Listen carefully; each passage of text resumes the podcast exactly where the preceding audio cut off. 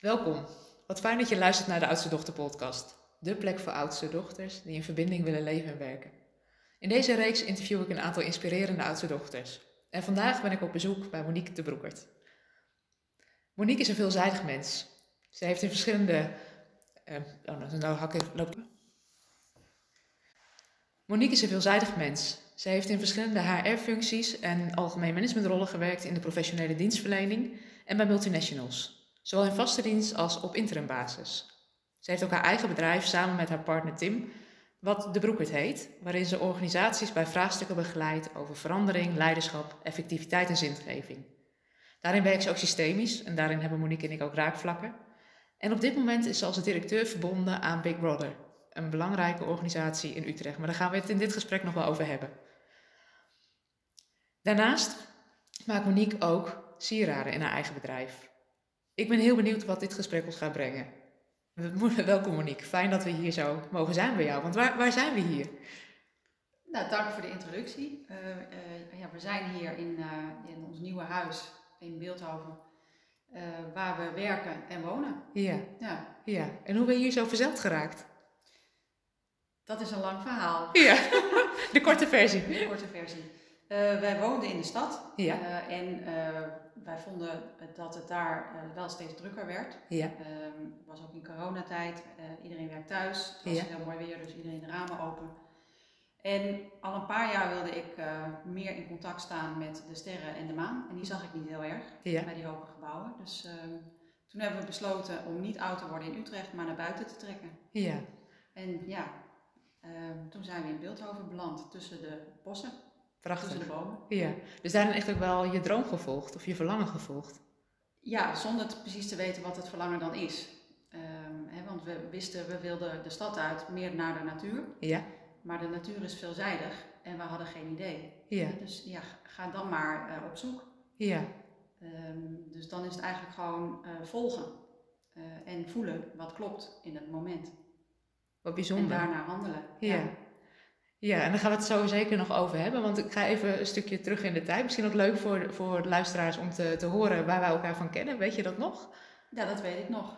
Vertel. Opleidingen bij het Bert Hellingen Instituut in Groningen. Ja. Een master uh, organisatieopstellingen. Ja, klopt. Waar Tim, mijn man en ik uh, aan meededen en jij ook. Ja. ja. en dat is echt al een hele tijd terug. Maar we zijn elkaar altijd wel een beetje blijven volgen. Ja, ja. ja en laatst nog samengewerkt in een best wel grote opdracht. Ja. 120 managers uh, uh, die uh, nou ja, wat konden leren op het gebied van aanspreken. Dus daar hebben we samen een opstelling gedaan met nog twee anderen. Ja. ja, dat was fantastisch. Dus dat is ook hoe we ze bij elkaar echt weer hebben gevonden. Maar even terug naar Monique als, als een klein meisje. Kun je iets vertellen over het gezin waarin je bent opgegroeid? gezin in Groningen. Ja. Dus het noorden van het land. de regio, doe maar normaal, dan doe je al gek genoeg. Ja. heb ik later geleerd. Ja. Uh, gezin met uh, ja, papa, mama en uh, ik en een zusje. Ja. Dus oudste dochter. Ja. En als je terugkijkt naar het gezin waarin je bent opgegroeid, hoe zou je dat omschrijven? Um, even, ja, hoe zou je dat omschrijven? Ja, werken, nou, is niet helemaal waar. Mijn moeder werkte af en toe wel en af en toe niet. Ja. die, haar verlangen was wel te werken en, ja. en af en toe dan meer bij de kinderen te zijn. Ja. En mijn vader die, is eigenlijk een zeeman. Ja. Hij uh, zat op de grote vaart. Uh, maar toen diende ik mij plotseling aan. Ja. Dus dat verhaal heeft eigenlijk maar heel kort geduurd. dus toen ik geboren werd, heeft hij eigenlijk besloten om een baan aan wal te vinden. En hij is toen werktuigbouwkundige geworden. Ja. en nou ja, ja hoe, hoe, hoe, noem je dat? Een, een, een middenstands... Nee, geen on, geen ondernemersgezin of zo, maar gewoon uh, een normaal gezin. Ja, een vader in loondienst, moeder, ja. als ik je zo beluister, wat meer thuis. En eigenlijk wel het verlangen om meer te, of meer te willen werken? Of? Nou, dat deed ze ook wel. Ze is uh, handwerkjuf geweest. Mijn, ja. mijn, ouders zijn ook allebei heel creatief. Ja. Hè, dus mijn vader heeft altijd wel in het huis allerlei dingen verbouwd. Ja. En mijn moeder, hè, dus inderdaad op scholen lesgegeven, handenarbeid. Ja. maar heeft uh, naailessen gegeven aan volwassenen en kinderen. Heeft ook een eigen kledinglijn gehad. dus daar zat heel veel creativiteit in. Ja. Maar ook in de schoenenzaak gestaan, weet je, dat verschilde nogal. Ja. ja. En als je kijkt naar jouw creativiteit, want je hebt natuurlijk ook een eigen, je bent, je bent goudsmid. Ja. Kun je daar eens iets meer over vertellen, hoe dat is ontstaan? Ehm, ja, hoe dat is ontstaan. Ja, de, soms, uh, je weet het dus niet, hè, hoe de dingen gaan. Uh, maar vroeger was ik inderdaad uh, ook heel creatief bezig. Ja. Lag het ook best wel voor de hand dat ik naar de kunstacademie zou gaan. Ja. Dat vonden mijn ouders allebei prima. Ja. maar dat zag ik zelf niet zo zitten. Vertel. Wij, wij, hadden de kunstacademie in Groningen en van die vage conceptuele types. Ja. Daar zag ik mezelf helemaal niet tussen. Ja. Dat was ik helemaal niet. Ja. Dus dat, nee, dat wilde ik niet. En ik zag mezelf ook niet als een arme kunstenaar. Mijn moeder heeft mij geleerd uh, dat je vooral onafhankelijk uh, moet zijn. Later, ja. dat was een van missies. Uh, maar daar hoorde arme kunstenaar zijn voor mij niet bij. Ja. Um, wat ik wel heel leuk had gevonden was de Design Academy in Eindhoven. Ja. Dat heette toen nog industriële vormgeving. Ja. Maar dat durfde ik helemaal niet aan. Daar had ik het portfolio ook niet voor. Hè, maar dat was toegepaste kunst. Ja. en dat, dat, dat paste veel meer bij mij. En dat blijkt nu ook wel, ja. hè, met dat goudsmit. Uh, want je maakt gewoon iets concreets uh, wat mensen graag willen hebben. Dat is ja. dan nog mooi. Ehm, er is nog heel veel meer over te vertellen. Ehm, maar dat zat er dus altijd in. Maar goed, ik ben toen naar de HEO gegaan. Taal ja. vond ik ook leuk. Ja. ben ik international business gaan doen. Ja. En daarna universiteit, sociologie, want die ja leuk. de HEO, daar doe je heel veel projecten, maar ja, je leert niet echt iets. Ja. Dus dat heb ik daarna nog gedaan. Nou, allerlei leuke banen gehad. Ja. En op enig moment dacht ik, oké, okay, nou, ik wil eigenlijk een soort sabbatical nemen. Ja. Uh, om eens opnieuw te kijken en helemaal vrij te kijken naar uh, wat ik wil gaan doen. Wat ja. misschien wel heel anders zou kunnen zijn dan wat ik tot nu toe heb gedaan. Ja. Dus ik wilde eruit stappen en opnieuw kijken. Um, dus dat deed ik. Nou, dat is hartstikke leuk, want dan komen er allerlei projecten op je pad. Ja. Hè, om mensen met ideeën. En mijn neiging is dan, oh leuk, dat gaan we doen. Ja. Um, maar dat lukte dan niet. Of dan had ik dan eigenlijk dat ik dacht, ja, maar wil ik dit dan wel? Ja. En uh, in die periode heb ik eigenlijk geleerd om uh, ook nee te verkopen. Ja. Ook als je eerst ja hebt verkocht. Want in principe is het zo dat als ik ja zeg, dan doe ik dat ook. Ook al vind ik het niet leuk, maar dan heb ik een commitment ben ik aangegaan. Ja. En dat wil ik dan ook gewoon, uh, ik wil betrouwbaar zijn, hè? Zo. Ja, en dit misschien wel een beetje bij de oudste dochter. Ja, wat ik hierin hoor, ook een heel groot verantwoordelijkheidsgevoel. Als ik A heb gezegd, moet ik ook B zeggen. Ik kan niet zomaar terugkrabbelen. En wat ik je ook eigenlijk hoor zeggen is, uh, reageren op vragen van anderen. Anderen uh, zien iets voor je of willen een project en, en vragen jou erbij en eigenlijk volg je dat. Maar dat is eigenlijk een beweging van buitenaf in plaats van dat die van binnenuit gevoeld wordt bij jezelf en, en daar Ja. een vervolgstap mee zet. Ja, precies. En dat, inderdaad, hè, mijn eh, idee was, ik ga opnieuw kijken wat wil ik. Ja. Hè, wat wil ik. Niet eens per se bewust van dat ik zo deed wat jij nu zegt. Ja. Ehm, dus ik, ging, ik heb geleerd, nou dat, dat wil ik dus eigenlijk niet. Dus ik zeg nu nee. Ja. Ehm, en uiteindelijk ben ik interimmer geworden, hè, interim manager. Ja. Want organisatie vind ik heel erg leuk en verandering vind ik heel erg leuk. En uh, ik denk, nou, dat, dat ga ik gewoon dat soort klussen aan. Ja. Uh, maar in dat sabbatical um, had ik op een gegeven moment, uh, was ik wel een beetje uitgerust, zeg maar. Ja. En, uh, maar mijn man, we hadden toen vakantie en geen vakantieplannen. Ja. We konden niks meer boeken. Ja. Dus we zeiden van, nou dan blijven we lekker thuis. Dan zei Tim, ja dat wil ik wel, maar ik wil dan ook echt de deur dicht. Ik, ik heb echt behoefte aan gewoon geen mensen. Ja. Okay? Dus ik zat daar een beetje met mijn goede gedrag. ja. en ben toen gaan voor zijn verjaardag, uh, wat wil je? Ja, we hebben alles al. Ja. Dat verhaal. Uh, armbandje, oké. Okay, nou, armbandje op internet gevonden, hartstikke leuk, Ja. dus Italiaans. En ik kreeg dat. Ik denk, nou, dat kan ik volgens mij ook. Weet je wat? Ik ga eens uh, kijken naar uh, mooie kalen, hè, dus uh, edelstenen. Ja. Dus ik heb toen voor Tim ben ik armbanden gaan maken. Ja.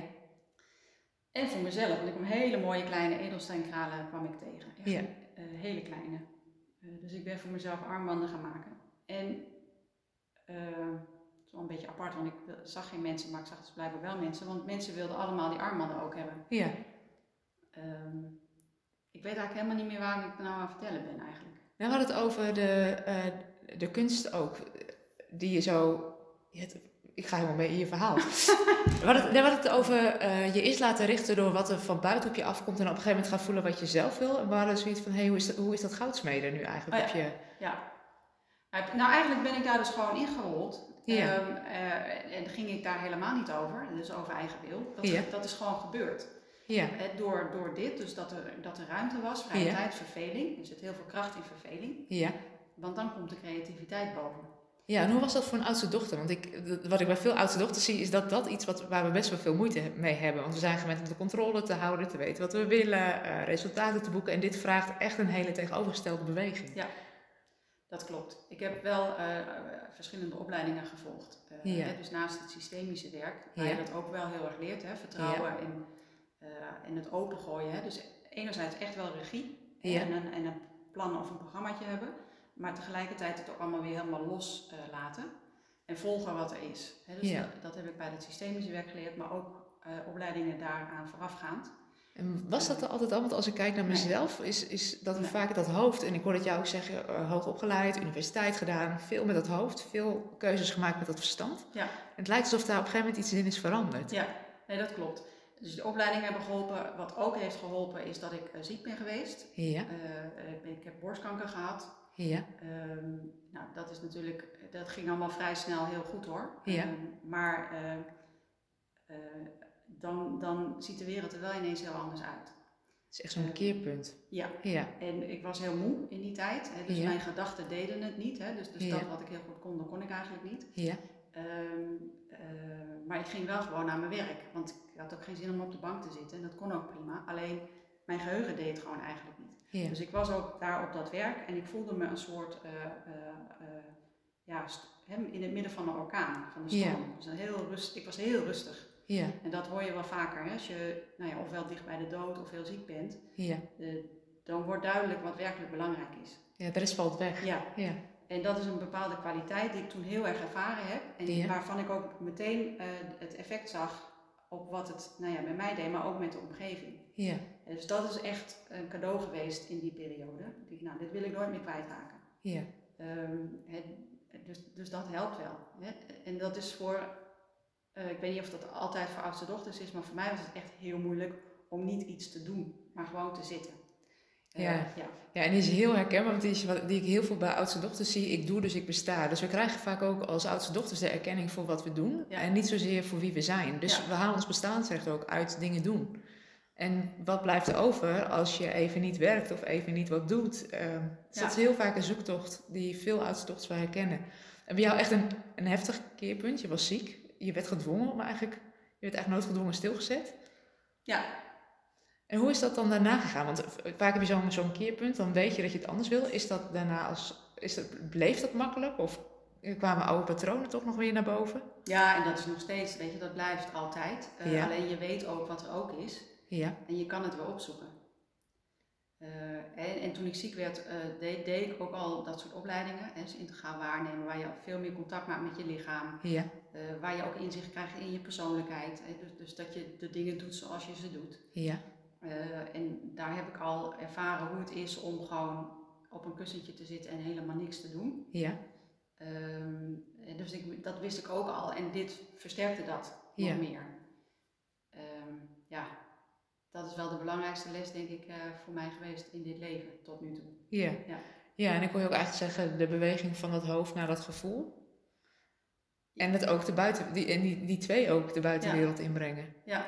ja, en gevoel vind ik altijd een beetje lastig, hè, want dat ligt dicht bij emotie. Ja, Eh, maar dit is eigenlijk gewoon het ehm, benutten van, van, van eh, je hele lichaam. En wij zijn heel erg gewend om te communiceren met ons hoofd ja, hè, en de gedachten en de Ja. mond en de oren en zo, dus alles wat daar zit. ja, Eh, terwijl het hart eh, is een superbelangrijk communicatiekanaal, ja, eh, hè, waar wij in het Westen helemaal niet over leren hoe dat dan werkt. ja, Hè, maar maar ehm, hè, in andere culturen luisteren ze met hun hart bijvoorbeeld. En wij luisteren met onze oren. ja, Eh, en, en waar zit je ademhaling? En eh, eh, hè, de- ja, zit die hoog of zit die laag? Eh, waar zit de energie eh, eh, zwaartepunt? Hè? Is dat bij Ja. de voeten of is het boven je hoofd bij wijze van spreken? ja, Ja, dat is allemaal communicatie. En dat, hebben, dat leren wij af eigenlijk in het Westen. ja, eigenlijk van jongs af aan. Ja, Ja, ja. want op school krijg je niet de vraag, hoe voel je je vandaag? Of, Nee, of wat je trekt er? geaard of wat heb je nodig om, om te aarden of zo, Ja. weet je? Huh? Dat is dan meteen zweverig. Of je krijgt, iedereen kent wel hè, dat, je het, dat je ineens kippenvel krijgt. Ja, Of dat je je ongemakkelijk voelt aan een vergadertafel. Ja. Maar we ge- negeren dat, want we gaan er overheen ja, kletsen, zeg maar. ja, dus nee, dat is super belangrijk. Ja. ja, en dat neem je ook mee in het werk wat je nu doet. Ja. Ja, wat kun je eens iets vertellen over het werk wat je nu doet voor de stichting? Voor de stichting Big Brothers Big Sisters in Utrecht. Ja. Uh, dat is een stichting die bemiddelt kinderen die opgroeien in armoede. Ja. Uh, die koppelen wij aan vrijwilligers. Ja. Dat zijn mensen zoals jij en ik, zeg ik altijd. Ja. Um, en dat doe je minimaal voor een jaar. Ja. Spreek je wekelijks af. En dan besteed je een uurtje. Ja. Minimaal een uurtje, vaak is dat wat langer. Ja. Uh, en wij matchen op, uh, nou ja, sowieso persoonlijkheden, maar ook op hobby's. Ja. dus als je koken leuk vindt, dan ga je samen koken. Ja. Voetballen, nou ja, tennissen, wandelen, boekjes lezen. Ja. nou ja, naar de film af en toe. Um, het, dus dat, dat is wat we doen. En we meten ook de effecten daarvan. Ja. En dat meten we op een aantal criteria. Ja. En we zien dat de, de weerbaarheid van die kinderen enorm wordt vergroot. Eh, zelfvertrouwen. Ja. Ehm, eh, ja, door gewoon de horizon verbreed. Er zijn heel veel kinderen die vaak niet eens de wijk uitkomen. Ja. Ehm, ja, die komen nu ineens in contact met hele andere werelden. Ja. Waardoor ze gewoon iets meer kansen hebben in deze kansenongelijke wereld. Tenminste, de kansenongelijkheid neemt enorm toe. Ja. Dat zien we nu. Dus dat is voor de kinderen super waardevol. Ja. Uh, maar ik zie ook duidelijk de effecten voor de uh, vrijwilligers. Ja. Uh, want ook die krijgen een bredere horizon. En die zien wat er ook te koop is in deze wereld. Um, dus je krijgt eigenlijk meerdere perspectieven absoluut. die gezien worden. Ja. Heeft dat ook te maken met jouw de systemische manier van kijken naar de wereld? Ja. Ja. ja nou ja, dat weet ik niet, maar ik, ik, zie dat wel en ik vind dat waardevol. Ja. Want als we met z'n allen een, net een ander perspectief hebben dan dat we tot nu toe hebben, ja. hebben we misschien ietsje meer verdraagzaamheid naar elkaar. En dan kunnen we misschien met z'n allen een klein beetje een betere wereld uh, genereren. Ja, dus hier komt de idealist in jou. en die ik eigenlijk ook bij alle oudste dochters wel zie. Want die, waar het heel vaak over gaat, is ook dat geheel willen versterken. Niet alleen kijken hoe kan ik zelf beter worden van het werk wat ik doe, maar ook wat voegt er toe voor mijn omgeving. En uh, niet alleen voor mijn omgeving, maar ook voor, voor de planeet. Of, of ja, dat hele grotere geheel. Ja. Ja, want hoe lang ben je verbonden aan, aan de stichting nu al? Ja, ik denk twee jaar bijna. Ja, ja. ja want ik hoor je de kansenongelijkheid, dat dat iets is wat je, wat je raakt. Daar, daar voel ik meteen een vuurtje aangaan. Is dat zo? Ja, dat zou kunnen. Ja, tenminste, ik, ik denk, nee, daar zit energie op. Ja. ja. Nou ja, ik vind kinderen uh, uh, eigenlijk heel belangrijk. Ja. Ehm, en dat we investeren in kinderen. Hè? Want uiteindelijk zijn kinderen degene die de toekomst vormgeven. Ja. Um, en dan vind ik het wel heel mooi om juist te investeren in kinderen waar, je misschien, hè, die, waar het niet vanzelf gaat, ja. maar die wel een enorm potentieel hebben. Ja. Ehm, en ik geloof ook heel erg hè, dat wat aandacht krijgt, dat groeit. Ja. Dus als je kinderen uh, die heel veel potentieel hebben, maar die nou ja, misschien niet helemaal gezien worden, ja. Uh, als je daar het licht op laat schijnen, ja. Ja, dan kunnen we met z'n allen veel meer bereiken. Ja, ja daarom, ik weet niet of je de documentaire hebt gezien, de documentaire klasse. Ja, heb ik wel een paar afleveringen van gezien. Ja, precies dat. Waar, ja, dat, dat lijkt heel erg het raakvlakken te hebben met, weet je, afhankelijk van waar je, waar je wieg staat, uh, bepaalt ook hoe je kansen zijn. Ja. Ja, en je, en je doet dat op de directeurspositie. Ja. Um, van waar die plek als directeur? Nou, ik was gevraagd om uh, in het bestuur uh, te komen. Ja. Dat leek me wel leuk, hè, na ja. dat interim. En ik ben dus inderdaad goudsmid geworden en dat is een beetje uit de hand gelopen. Dus interim, dat lukte niet meer helemaal erbij. Ja. Um, dus ik denk, nou, dan doe ik uh, bestuursfuncties, daar wordt het dan wat tijd voor. Ja. En uh, dus ik zat daar in het bestuur. En, uh, en ik zat eigenlijk te wachten op de, de inschrijving in de Kamer van Koophandel. Ja. Dus ik denk, ik ga maar eens bellen. En de toenmalige directeur, Loes Hebing, ja. die zei, ja, um, moet je wat vertellen. Ik ga namelijk, ik stop ermee. Ja. Ik was verhuisd naar de Achterhoek ja. en die kreeg dat niet meer gecombineerd. Ja. Dus dat was voor mij nogal uh, een schok, want ik was juist op haar energie ook uh, gekomen. Ja. Uh, maar de, ze zei meteen daarna, maar ik vind eigenlijk dat jij dat moet doen. Ja. Dan mijn rol. Ja. Oh, maar dat, dat, dat, dat, dat gingen we dus even niet doen. Ja. Ik zei, nou, daar moet ik even echt over nadenken. Even los van het feit dat er gewoon een officiële sollicitatieprocedure gestart ja. moest worden. Ehm, dus ik heb letterlijk één nachtje erover geslapen. Ik dacht, ja, dat past eigenlijk veel beter. Ja. En waarom past het beter? Ja, omdat um, dat is, het is één à twee dagen in de week, hè, dus het is echt, uh, kan het combineren met ander werk, dus dat was belangrijk. Ja.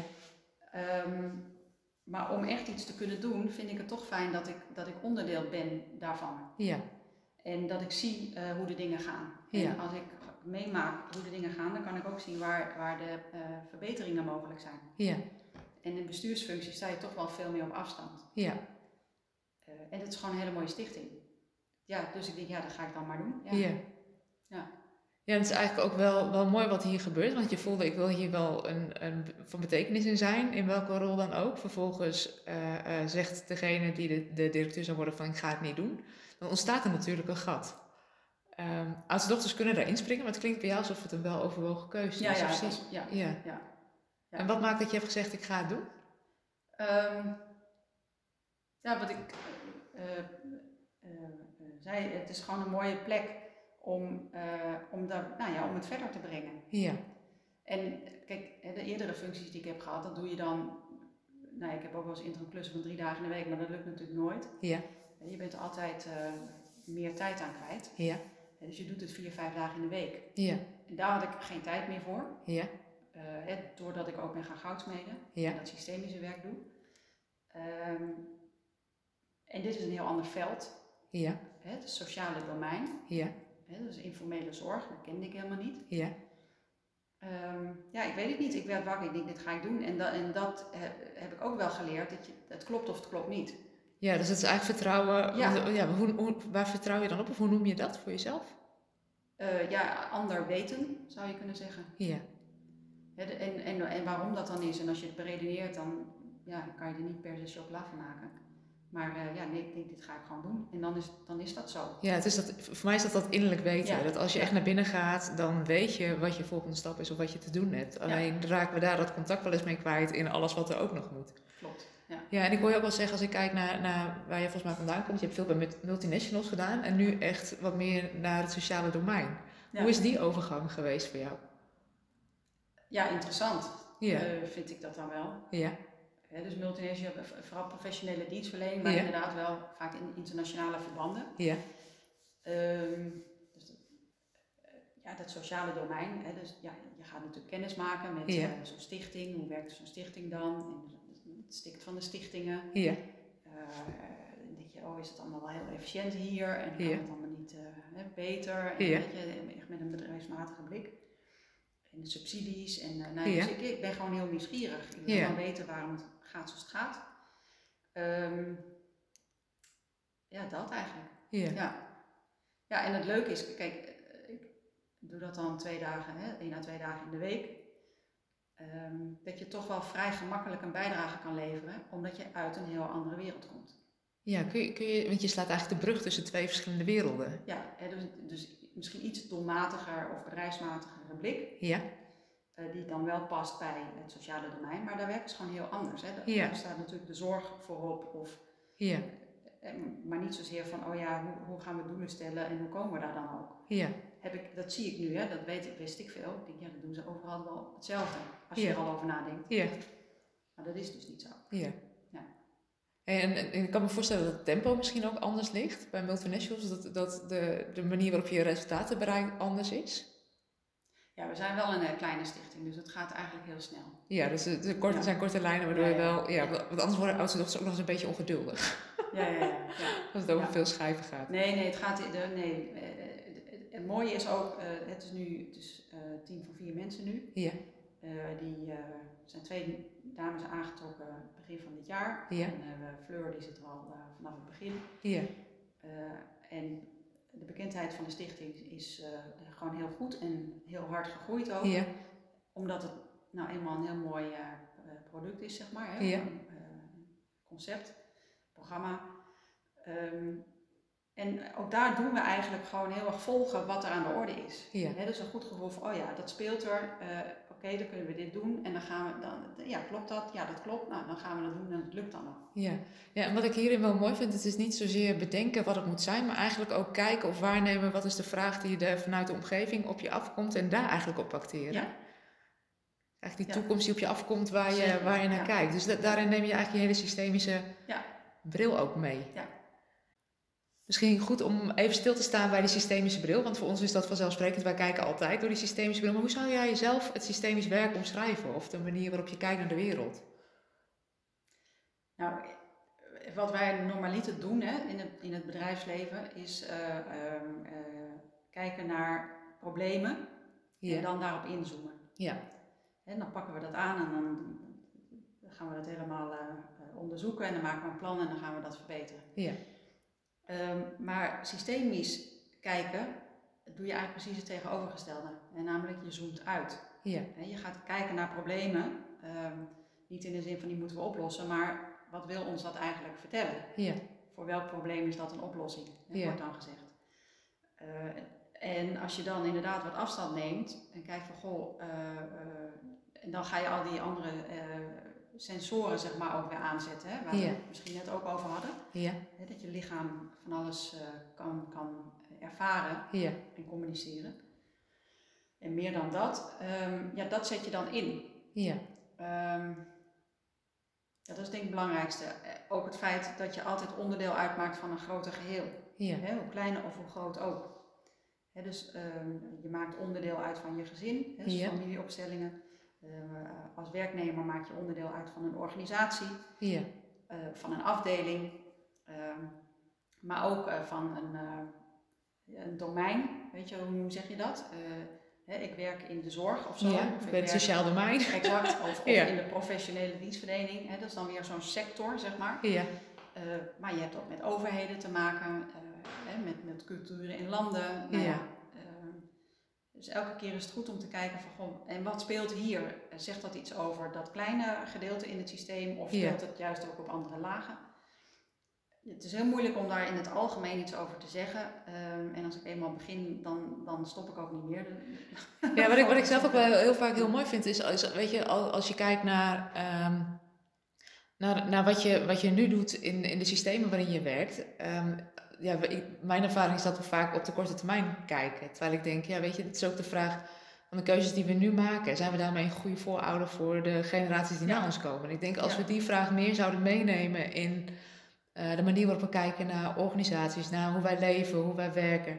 Uh, dat dat echt andere keuzes met zich mee zou brengen. Absoluut. Ja. ja. En dat is ook dat systeem. Dus niet alleen kijken ook naar, naar de organisatie of het domein of de, de branche waarin je werkt, maar echt kijken van wat heeft dat hele grotere geheel nou nodig. Ja, ja. nou inderdaad ook, hè, wat was ooit de oorsprong uh, van de organisatie? Ja, neem ons even mee, want ik denk dat voor heel veel mensen dat niet helder is. De oorsprong van de organisatie, wat, ja, wat, er is ooit uh, uh, iemand geweest die een bepaald idee had over dit ga ik doen. Ja. Nou, dan kan je afvragen, is dat, was dat een gat in de markt, hè, zou je ja. kunnen zeggen? Of was dat een persoonlijke missie? Ja. en dan, dan begint er iets. Dus de, de, oorsprong van die organisatie. Um, nou, dat kan heel klein beginnen, kan ook meteen best wel groot gaan. Ja. Je ziet nu met die, die, die, die start-ups en zo werkt het alweer anders dan bij de traditionele bedrijven. Ja. Maar eigenlijk is de, daarmee wordt het DNA van de organisatie bepaald. Ja. wat wij cultuur noemen, zeg maar. Ja. Dus eigenlijk, als je kijkt naar de, naar, naar de, de bestemming van de oorsprong, ja. Uh, dan heb je eigenlijk ook de definitie van de cultuur. En die raak je nooit meer kwijt. Ook al zijn alle mensen al lang vervangen, ja. de organisatie dat blijft. Uh, en hoe beter je dat uh, ziet hè, voor wat het was en ook erkent, hoe makkelijker evolutie naar de toekomst gaat. Ja. want dingen, het kan zijn dat een bestemming van een bedrijf is geëindigd. omdat nou eenmaal die behoefte vervuld is of omdat er iets anders is wat meer longt of wat dan ook. Um, dus dan verander je feitelijk de bestemming. Ja. of je, je, je, stopt te bestaan, wat vaak niet eens gebeurt, omdat er dan allerlei andere belangen spelen. Maar, ja. maar dan is altijd weer goed met die verandering om, om weer even terug te kijken van ja, daar komen we vandaan. En dat neem je sowieso ook mee naar de toekomst. Ja, en wat levert dat op voor mensen in die organisaties als ze stilstaan bij die oorsprong? Wat, wat verandert er dan? Er ontstaat minder weerstand. Ja. want als je dat niet doet en je wil veranderen, uh, maar er wordt iets uit het verleden uh, en, en, ook de oorsprong niet gezien of erkend. Ja. Uh, systemen willen compleet zijn. Ja. En als dat niet compleet is, dan, dan ja, is er iets wat weerstand veroorzaakt. Ja, en dat kun je bijvoorbeeld heel praktisch zien bij een bedrijf. Als een bedrijf wordt overgenomen door een ander bedrijf en er wordt eigenlijk niet stilgestaan bij de mensen die het bedrijf hebben opgericht, dan zie je dat het daarna vaak niet goed gaat met een bedrijf. En dan weer kijken naar wie, wie, uh, zat er, ja, wie heeft het bedrijf ooit opgericht en, en wat was de intentie. uh, maakt dat, uh, dat het ook goed kan gaan met het bedrijf, zelfs als het overgenomen wordt of als het extreem groeit of soms zelfs als het een verandering uh, teweeg brengt omdat de bestemming bereikt is. Ja. En soms zie je dat organisaties ook echt stoppen. Ja. Als ze niet mee kunnen bewegen ook. Ja, ja dan gaan ze failliet, hè? maar actief stoppen gebeurt bijna niet. Nee, dat is ook wel een interessante, want, want ja, iets stoppen, dat, dat lijkt vaak te maken te hebben met verlies. Ja, en falen. Ja. Ja, en als je, dat vind ik ook wel een interessante, want eigenlijk is dit ook, uh, als je kijkt naar hoe de hele economie in elkaar zit, we lijken ook alleen maar economisch en lineair te kunnen groeien. En wat je daarin ook ziet, dat dat eigenlijk niet natuurlijk of niet cyclisch is. Want in de natuur gaan er ook dingen dood, wat nodig is om ja, weer op een andere manier dingen tot stand te kunnen laten komen. Ja. Dingen moeten stoppen om daarna weer ruimte te bieden voor wat nieuws. Ja, zeker. En, en uh, hoe, hoe, krachtiger je stopt met iets of uh, nee zegt, hoe, hoe, uh, hoe meer ruimte er is voor iets nieuws. Ja, kun je daar zo'n eigen praktijkvoorbeeld uit noemen? Ah, um, ja, dat, je weet nooit hoe het was gelopen als, ja, als je dat niet had gedaan. Maar ik, ik, uh, ik, ben dus, ik zit niet meer in dat zakenleven, hè, tenminste, in het bedrijfsleven. Ja. Maar ik ben nu dan, uh, ik was eerst goudsmid geworden en daarna dan de stichting. Ja. Dat is natuurlijk best een uh, aparte keuze. Ja. Want ik, ik, wat ik deed vond ik heel erg leuk om te doen. Ja. En ik was er denk ik ook wel goed in. Ja. Um, en ik had daar wel in door kunnen groeien. En dan was dat misschien conform het oudste dochterprincipe wel handig geweest. Want en dan kan je meebouwen aan al die vrouwen in de top, et cetera. Ja. Um, dus dat vond ik nog wel. Ik denk, oké, okay, als ik iets anders ga doen. Ja. Uh, um, dan laat je dat ook liggen. Hè? Dus de bijdrage aan een uh, meer evenwichtige samenleving in het bedrijfsleven. Hè? Dus de ja. man-vrouw verhouding.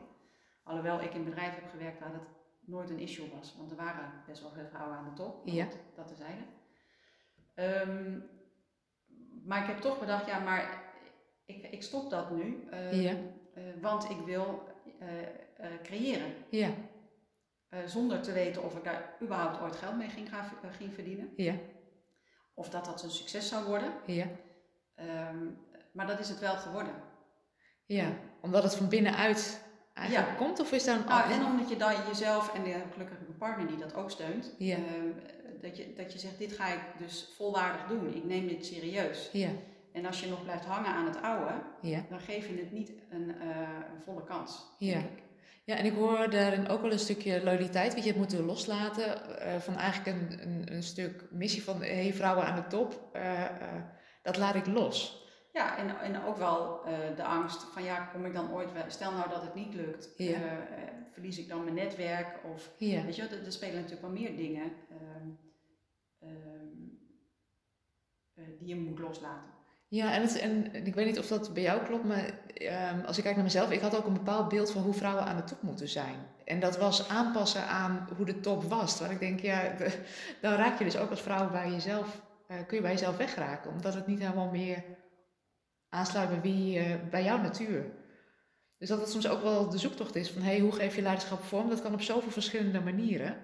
Dat is niet alleen maar aan de top van bedrijven, maar dat is heel erg je eigen leiderschap en, ja, wat is voor mij van waarde, waarmee wil ik van betekenis zijn, hoe geef ik dat vorm? Ja. Ja. Ja, en, ik ja, en dat kunnen dus ook inderdaad vrouwen zijn uh, die, die zeggen ik beslis nu dat ik uh, uit het bedrijfsleven stap ja. en ga zorgen voor de kinderen. Ja, zeker.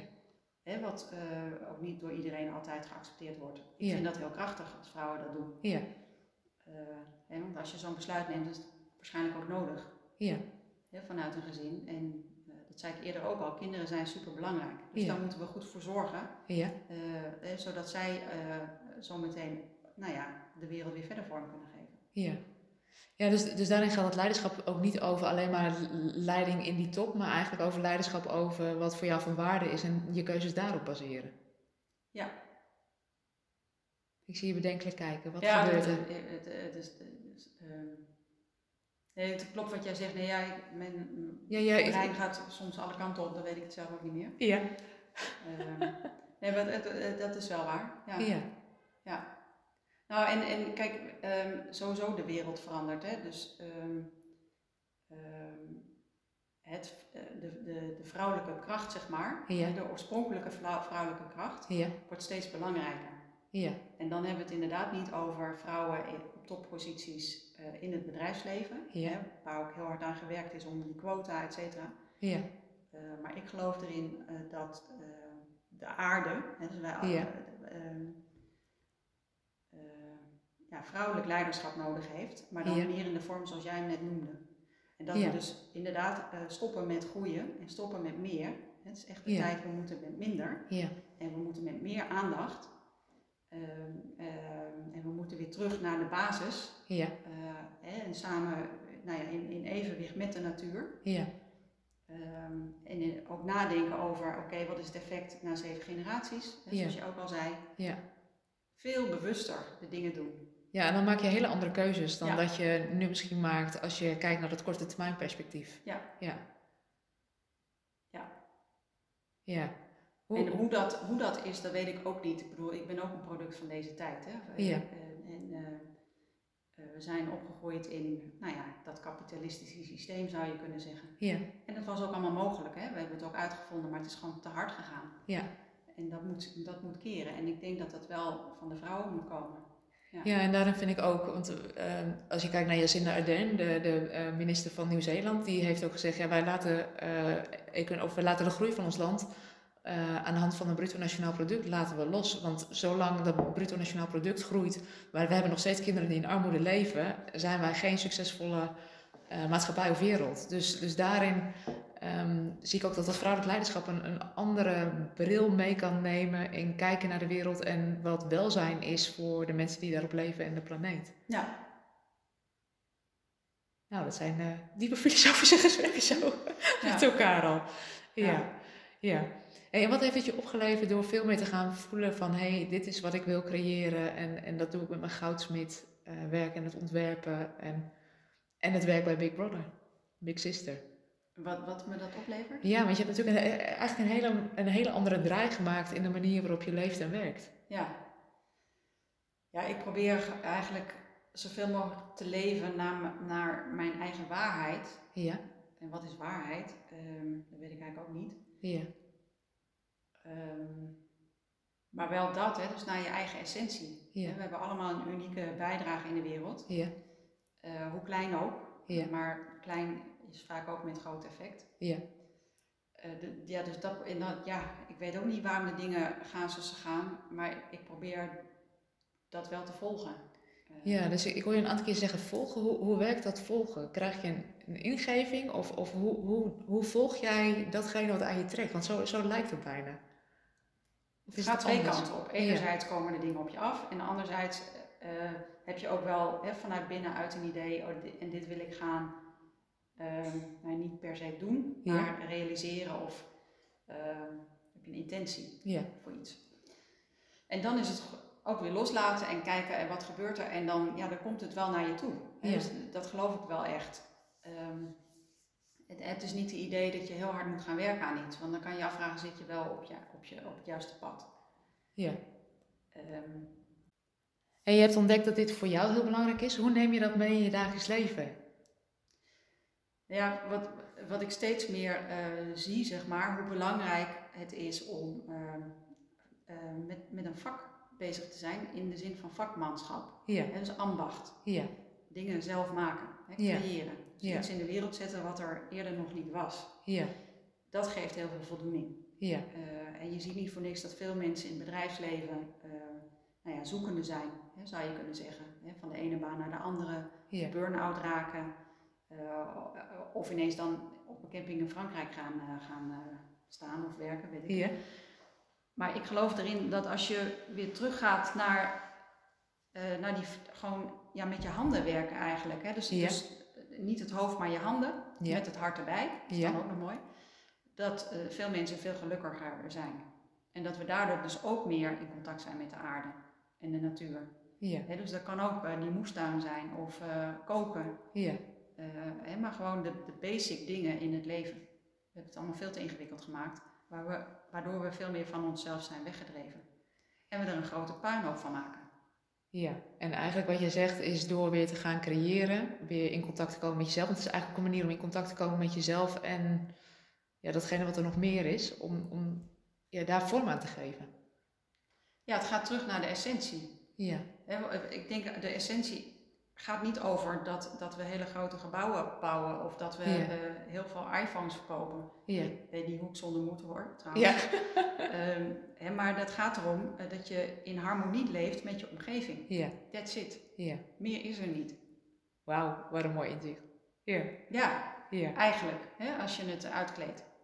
Ja, dus eigenlijk, als, want wat is het advies wat je, wat je al die vrouwen zou willen geven die nu naar deze podcast luisteren?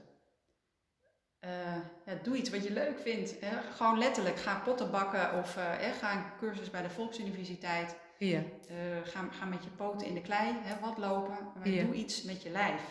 En, en, en ervaar hoe gelukkig je van dat soort dingen wordt.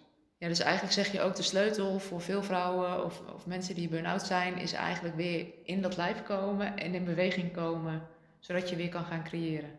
Ja, en in het lijf komen eerst en de beweging komt dan later pas. Hè? Het Ja. gaat er eerst, het is in fase. Eh, hè, maar dat, dat je jezelf eh, ook rust gunt eh, en dat je niet iets hoeft te doen, hè, Ja. wat we zo goed kennen. Ja, en dat echt alles gebeurt in de stilte. ja. Dus eigenlijk is je advies, zoek de stilte wat meer op. Ja, Ja. ja. Ja. Dankjewel Monique voor dit fijne gesprek.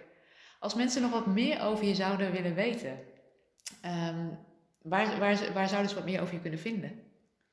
Oh, ik ben niet zo'n deler. Ja, Eh, ja, je- ehm, ja, op LinkedIn misschien wat ik heb gedaan. Ja.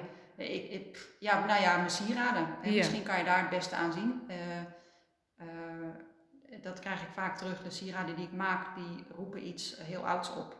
Dus vanuit de Azteken of, of dat soort dingen. ja, Ehm, nou ja, dat kan je wel of niet eh, ervaren, zeg maar. En je kan me altijd bellen of mailen, whatever. Ja. ja. Wat ik in ieder geval ga doen is eh, de link naar je, naar je website voor je sieraden, voor je goudsmeetwerk, eh, zodat mensen een kijkje kunnen nemen. Is er iets wat ik had moeten vragen wat ik niet gevraagd heb? Nou, er popt zo niet iets op. Nee. Helemaal goed. Dan wil ik je bedanken voor dit fijne gesprek, Monique. Ja, dank voor Dankjewel. de vragen. Ja, helemaal goed.